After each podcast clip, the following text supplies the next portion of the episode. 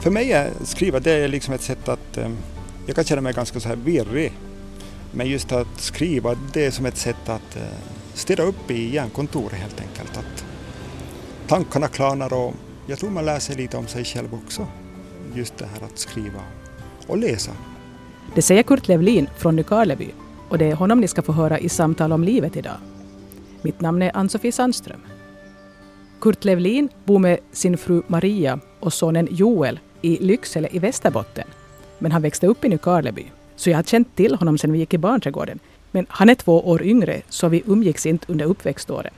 Men eftersom Kurt och min yngre bror båda hör till ett kompisgäng som träffas varje sommar i juli, så har jag alltid vetat ungefär vad Kurt Levlina håller på med.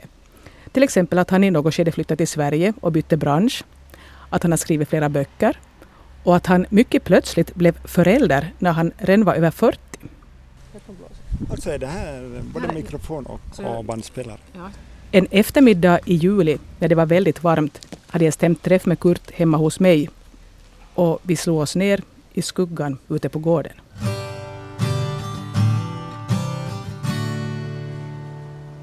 Vi börjar på. Ja, jag heter Kurt Levlin. Jag har fyllt 50 år och det här, nu för tiden bor jag i Lycksele där jag jobbar som bibliotekarie. Jag är född i Helsingfors men uppvuxen i Nykarleby. Det är i Nykarleby jag har gått skola. Och så. Alltså jag kom plötsligt ihåg att... Har du en tvillingsyster? Jajamän, jag har en tvillingsyster som bor i Tojala. Jaha. Så när eh, hennes barn träffar eh, vår son då så har de lite svårt att kommunicera eftersom de pratar finska och han pratar Så hon har inte lärt dem svenska? Och jag har inte lärt eh, Joel eh, finska. Men finska, är inte- finska är inte ditt modersmål? Nej, men det här... ehm, Jag hade den där tanken när Joel växte upp, när vi bodde i Umeå, att jag skulle försöka prata lite finska med honom. Men min mamma är ändå finskspråkig så jag har ju ändå haft Ja, du har det så finska. pass nära i alla fall. Jo, men jag har alltid gått i svenskspråkig skola. Så hur var det att växa upp med en tvillingsyster? Ja, det gick väl bra. Det var bara det att i skolan var hon så mycket bättre än mig. i allting. Och Så man blir alltid jämförd, speciellt om man går på samma klass. Men fördelen var ju att hon kunde ju hjälpa mig med matte och sånt här sen i gymnasiet. Så ni gick båda till studenten och skrev Ja, samtidigt? det gjorde vi precis. Och vi åkte väl båda till Umeå också. Hon åkte då direkt och jag åkte några år senare. Vart får du genast efter studentexamen då? Ty jag var väl, ehm, först gjorde jag min eh, militärtjänstgöring. Nej, först jobbade jag ett år och sen gjorde jag min militärtjänstgöring. Och sen var jag väl utomlands i två år. Vart var du då? Eh, Jag var mycket i Israel, alltså jag bara reste runt, tog det lugnt.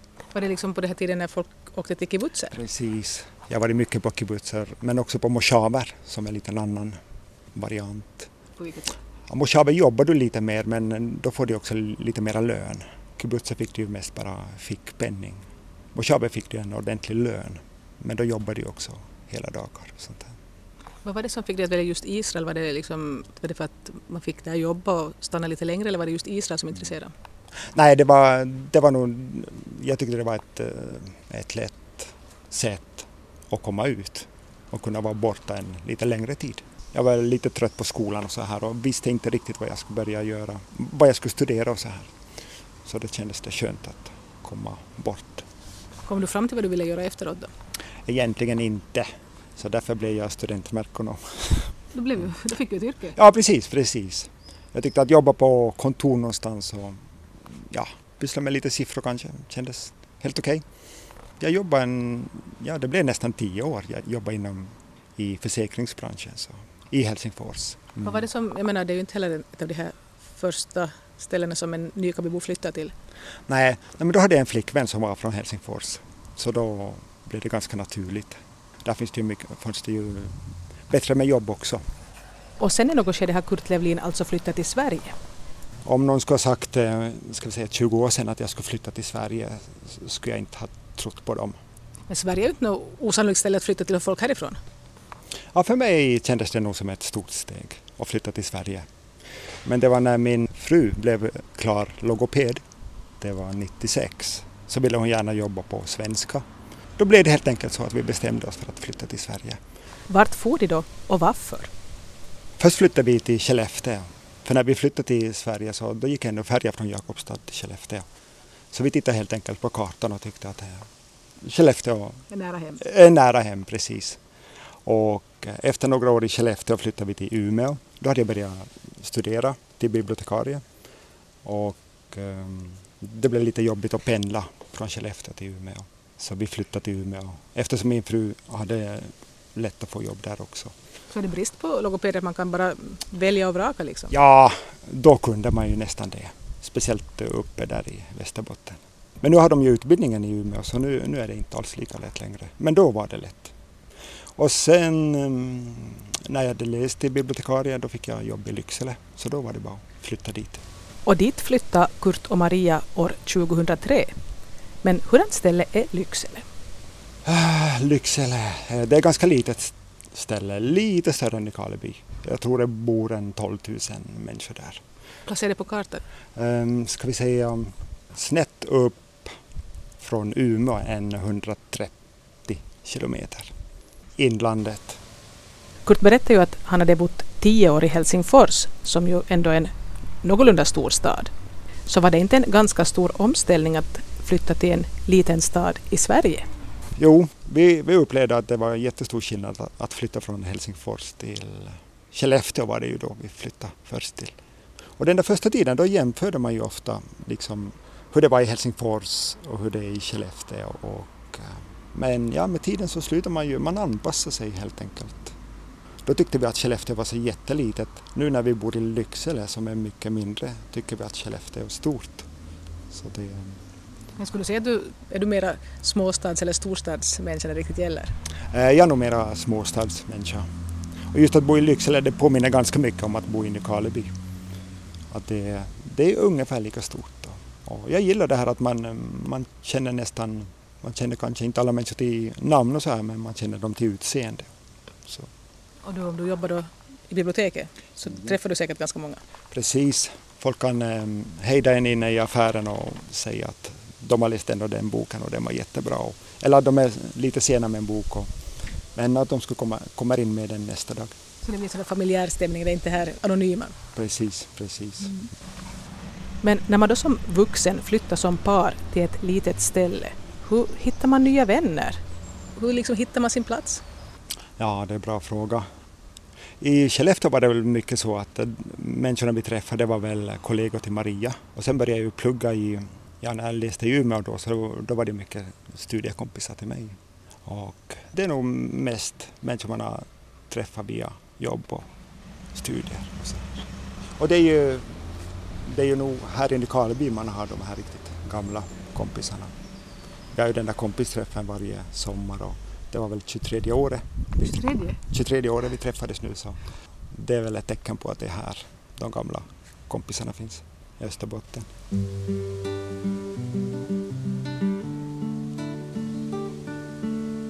Jag ber Kurt berätta hur det kommer sig att han bytte bransch när han redan var bra mycket över 30. I Helsingfors hade jag jobbat som um, på ett försäkringsbolag i nästan 10 år. Men då när den här möjligheten kom då att göra någonting helt annat så böcker och litteratur har alltid varit ett stort intresse. Så då såg jag möjlighet att, att sadla om helt. Så då bytte jag siffror mot ord helt enkelt. Under de tio år jag jobbade inom försäkringsbranschen så hade jag väl kommit till den insikten att jag vill inte hålla på med det här. Jag försöker räkna efter då, du måste ju ha varit ändå någonting över 30 eller vad var du? 96. Jag måste tänka efter. 96, född 61, 35. Nej men det har känts, eh, jag har alltid varit nyfiken på att prova andra saker och så här. Men din fru hon har haft en sak och hon har liksom vetat vad hon vill och hon har gjort det. Precis, fast nu har hon börjat forska så, men hon hon forskar ju ändå inom sitt område. Du sa här tidigare att det var ett stort steg att vara till Sverige. Ja, det var ett stort steg. Ja, som jag redan sa, så 20 år sedan, den där tanken fanns inte att- jag skulle kunna flytta till Sverige. Men sen plötsligt när hon började söka jobb och det visade sig att hon har mycket lättare att få jobb där. Och så, ja, man vande sig vid tanken och det trivs bra. I vilket skede har då Kurt Levlin börjat skriva? Jag har kämpat på länge, skrivit länge, men inte fått någonting. Ja, jag hade väl några dikter hade jag väl fått publicera någon tidskrift och så. Men inga böcker. Så du menar du har skrivit sedan du var tonåring eller barn eller? Ja, jag har nog skrivit mycket. Vad är det som får dig att skriva? Vad vill varför vill du skriva? För mig är skriva det är liksom ett sätt att eh, jag kan känna mig ganska så här virrig. Men just att skriva, det är som ett sätt att eh, städa upp i hjärnkontoret helt enkelt. Att tankarna klarnar och jag tror man lär sig lite om sig själv också. Just det här att skriva och läsa. Det brukar inte vara det som egentligen uppmuntras när man växer upp som pojk i Österbotten. Nej, men jag hade ju mm, kompisar då som också höll på och eh, skrev dikter och, och texter. Så på det sättet tyckte jag inte det var så konstigt. Det är kanske, kanske en följd också av att man inte riktigt är med i det här innegänget. De tuffa pojkarna. Ja, precis, precis. Så kanske att skriva blir ett sätt att utforska sig själv och alla andra också. Kurt sa att han inte hörde till de här tuffaste killarna. Så hurdan var han när han växte upp? Eh, jag var nog rätt så blyg och försiktig. Så det var väl kanske mycket därför också som jag inte ville börja studera genast efter studenten utan jag kände att jag ville få lite ja, distans till saker och ting kanske. Kurt sa att han var blyg och han berättade också att han alltid har skrivit, mest för att sortera upp sina egna tankar. Så jag undrar om han någonsin då tvekade när det gällde att ge ut det som han hade skrivit? Nej, egentligen inte. Fast du sa att du är blyg? Jo, precis, men ändå just att skriva har känts så viktigt på något sätt. Och jag har väl, det är väl också en orsak till att man har fortsatt, att man har väl känt att man har någonting att säga. Och det känns ju angeläget också att, att det kommer ut och att andra kan ta del av det. Som jag redan nämnde så har jag ju kompisar som också höll på att skriva. Min bror och liknande. Precis. Och så fanns det andra i Nykarleby som skrev också. Gösta Ågren, Eva-Stina Byggmästare hade debuterat då när jag också höll på med, kämpa på med mina dikter. Så man såg att det är möjligt. Robert Åsbacka kom ju ut också med någon diktsamling där. Ni gick på samma klass? Vi gick på samma klass. Jag jo. Det. Jo. Ska vi, vi kanske vi kan flytta in för jag tror att det är, är det ljudet vill vi inte höra. Nej. Eftersom någon i grannskapet hanterar en maskin som för lite irriterande mycket ljud så väljer vi att flytta oss inomhus trots att där är ännu varmare än utomhus. Kurt Levlins första bok kom år 2000. Det var en novellsamling. När jag träffade Kurt i juli så hade han med sig sin senaste bok som var alldeles pinfärsk i det skedet. Jag ber honom berätta lite mer om den. Eh, ja, boken heter Lokstallsvägen 3 och är alltså en novellsamling. Består av 15 noveller. Och den röda tråden är väl den här eh, adressen Lokstallsvägen 3. Att alla karaktärerna i de här novellerna har ju på något sätt anknytning till den här adressen. Och vissa kanske med om mera dramatiska saker, till och med händelser som eh, förändrar deras liv. Och andra kanske mera med om, ja, det är händelser som är mera nedtonade, där dramatiken är mera inom dem än att det händer så mycket. Men just att beskriva ett eh, höghusområde tycker jag ganska här blir som en bra genomkänning av eh, livet i en stad. Ja, livet överhuvudtaget. Bor du själv i ett höghusområde? Nej, inte längre. Men jag har ju gjort det. Och det som fascinerar mig är ju just det här att man vet så lite om grannarna. Att det är bara en betongvägg däremellan och man vet ingenting om dem. På sin höjd kanske man vet vad de heter och, och utseende om någon har sina vanor och spelar musik högt och sånt här. Nej men just det där att man är så mm, totalt eh, isolerad fast man bor så nära varandra. Det är någonting som, som jag har försökt utforska. Är det någon sån här egen känsla av isolering det också som finns där i botten då? Ja, eh, det är det säkert. Det är det säkert just det här att man är mån, när man stänger dörren bakom sig, är man mån om att ge ett eh, propert intryck och så här. Och inte kanske avslöja så mycket av vad man tänker och tycker. Utan säga de rätta sakerna. Speciellt i Sverige är det mycket, tycker jag att det är mycket det här vänligheten. Man, man hälsar på grannarna och man ja, kommenterar vädret och sånt här. Men skulle du vilja att det skulle vara annat, att, att folk skulle ha lite mer vettig kontakt med varandra? Ja, det kanske jag skulle tycka. Eller det är väl mer än det att jag tycker det är att det fascinerar mig det här att man har så lite kontakt. Att man bara säger de här sakerna man väntar sig och just inget annat. Så om någon plötsligt skulle säga någonting, någonting personligt då liksom och säga att ja, nu är jag jätteledsen idag för att det har hänt någonting tragiskt i mitt liv och sådär, då ska man knyxa och tänka att åh, vad ska jag göra nu?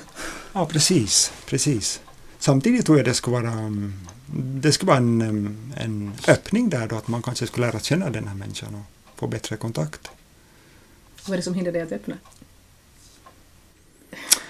Ja, det är väl den där blygheten och försiktigheten som finns Kanske där. alla går och väntar på att någon annan ska Ja. komma med en öppning. Ja, det kan hända.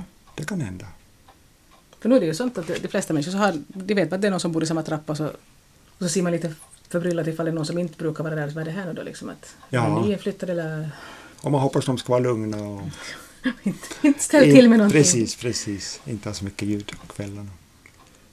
Du sa att, när vi talade här tidigare att du ger ut på något litet förlag i Sverige då.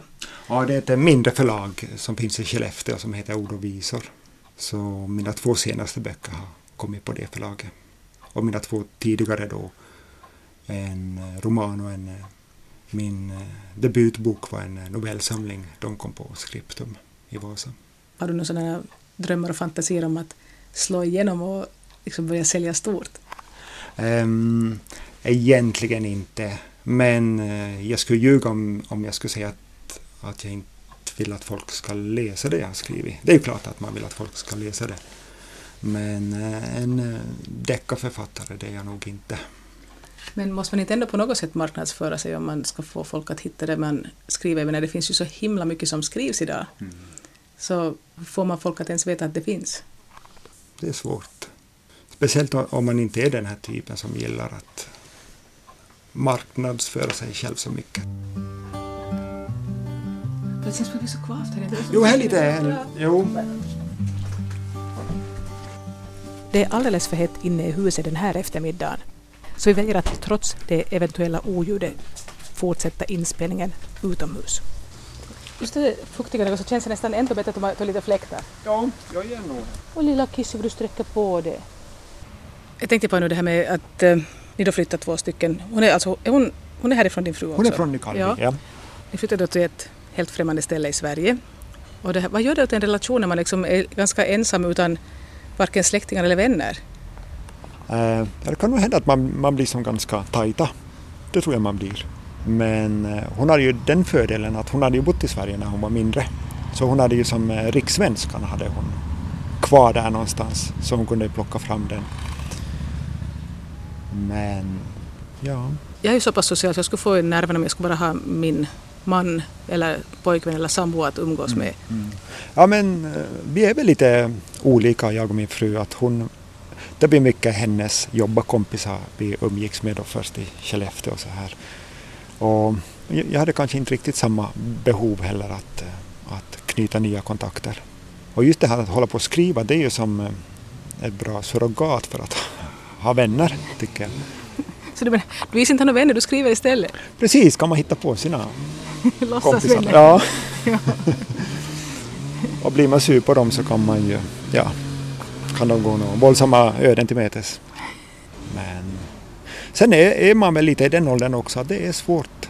Jag tror det ska vara mycket lättare att komma till Sverige när man är runt 20, 30 kanske.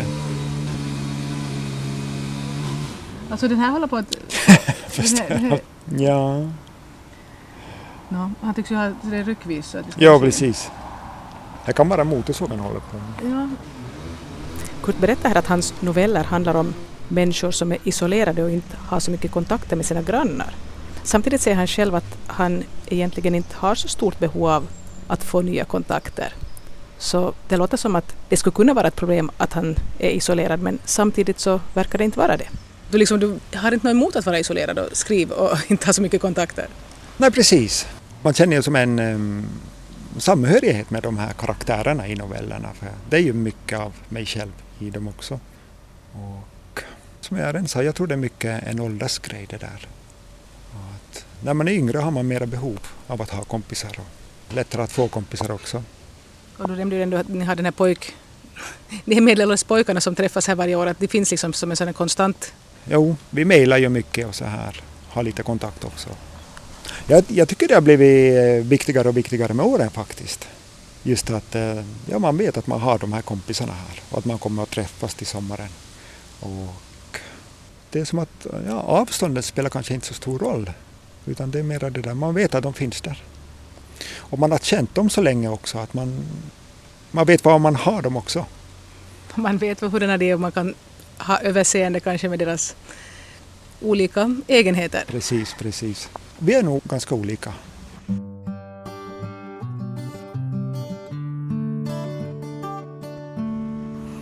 Du, du har nämnt att du har en son. Han är nio år, fyllde här i juni. Redan? Ja, tiden går fort. Han, går, han ska börja trean nu till hösten. Och jag minns att då när Kurt och Maria blev föräldrar så kom det hemskt plötsligt. Alltså vi kunde inte få egna barn. Och vi stod i kö för att adoptera från eh, Kina. Men Joel är inte från Kina. Eh, Han är, från, han är född i Umeå. Så vi hade jättetur tycker vi som fick honom. Vanligtvis får adoptivföräldrar vänta jättelänge på att få ett barn. Men så blev det inte för Kurt och Maria. De ringde oss från eh, sociala myndigheterna. De ringde på fredag morgon och på söndag morgon fick vi hämta honom.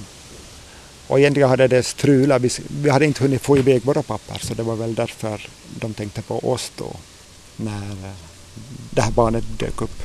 Och det var alltså fråga om ett alldeles nyfött barn. Men om man då är inställd på att vänta jättelänge på att få adoptera ett barn från Kina och sen plötsligt får höra att man kan bli förälder inom ett par dagar, hur reagerar man då? Vi, vi tyckte att det kom jättefort. Men eh, då var de ganska stenhårda på BB då att de ville ju att det här barnet skulle få föräldrar. Så vi fick två dagar på oss då att bestämma oss. Var det svårt att fatta beslutet? Nej, det var inte det. Nej, men det var väl mera det att vi måste landa på något sätt. Men då hade vi ändå varit gifta i några år och vi var inte purunga så det gick nog ganska bra. Hur gammal var du när du blev, när du blev far då på det där sättet? Då var jag 41. Det var nog en stor omställning. De flesta har ju nio månader på sig att planera allting. Vi hade varken barnvagn eller blöjor eller någonting. På söndag fick vi åka till ehm, sjukhuset då och så sov vi en natt där då tillsammans med honom och sen på måndag fick vi ta med honom hem.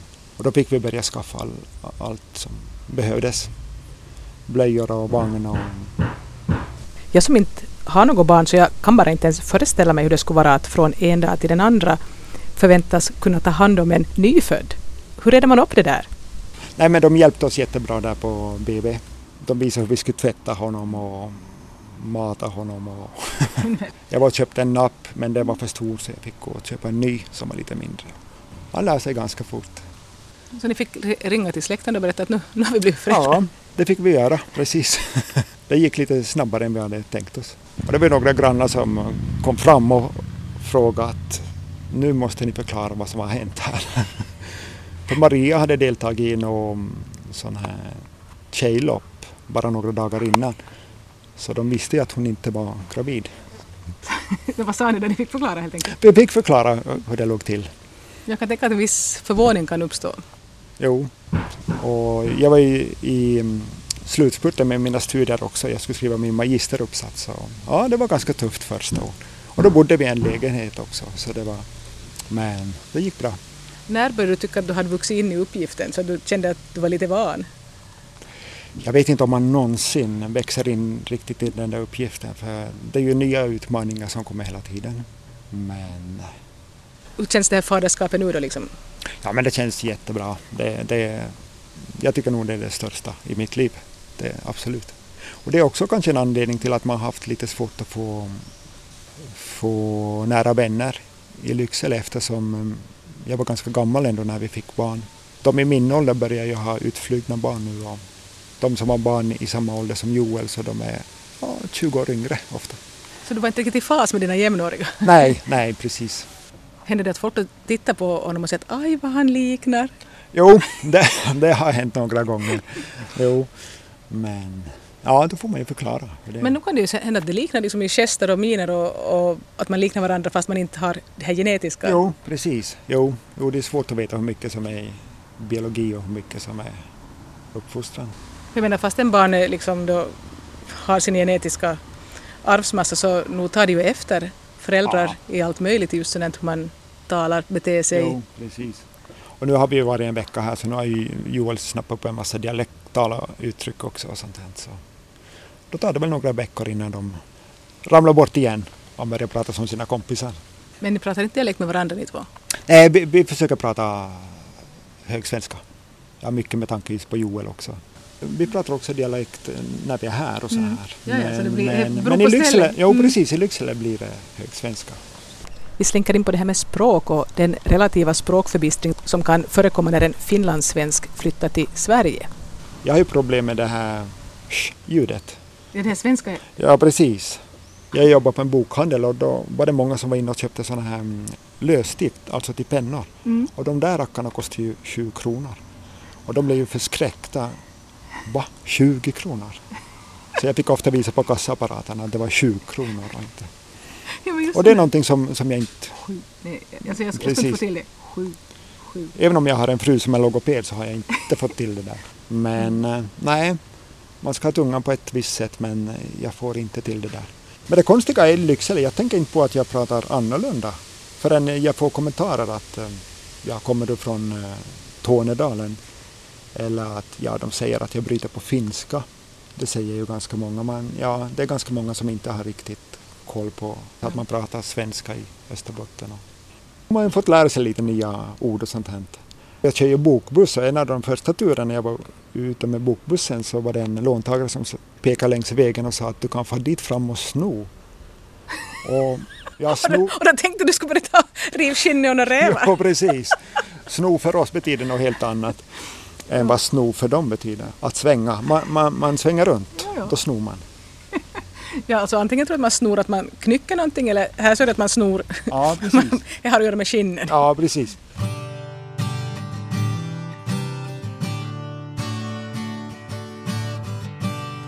Kurt Levlin nämnde här tidigare att de viktigaste vänskapsrelationerna finns i Österbotten.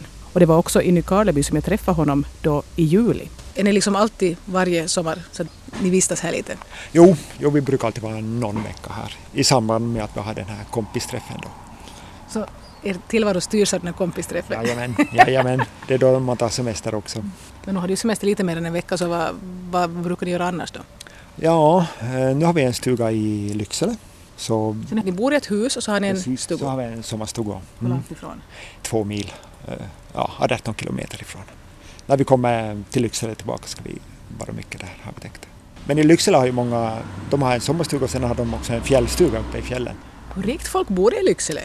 Ja men det är inte alls samma priser på, på hus och sommarstugor.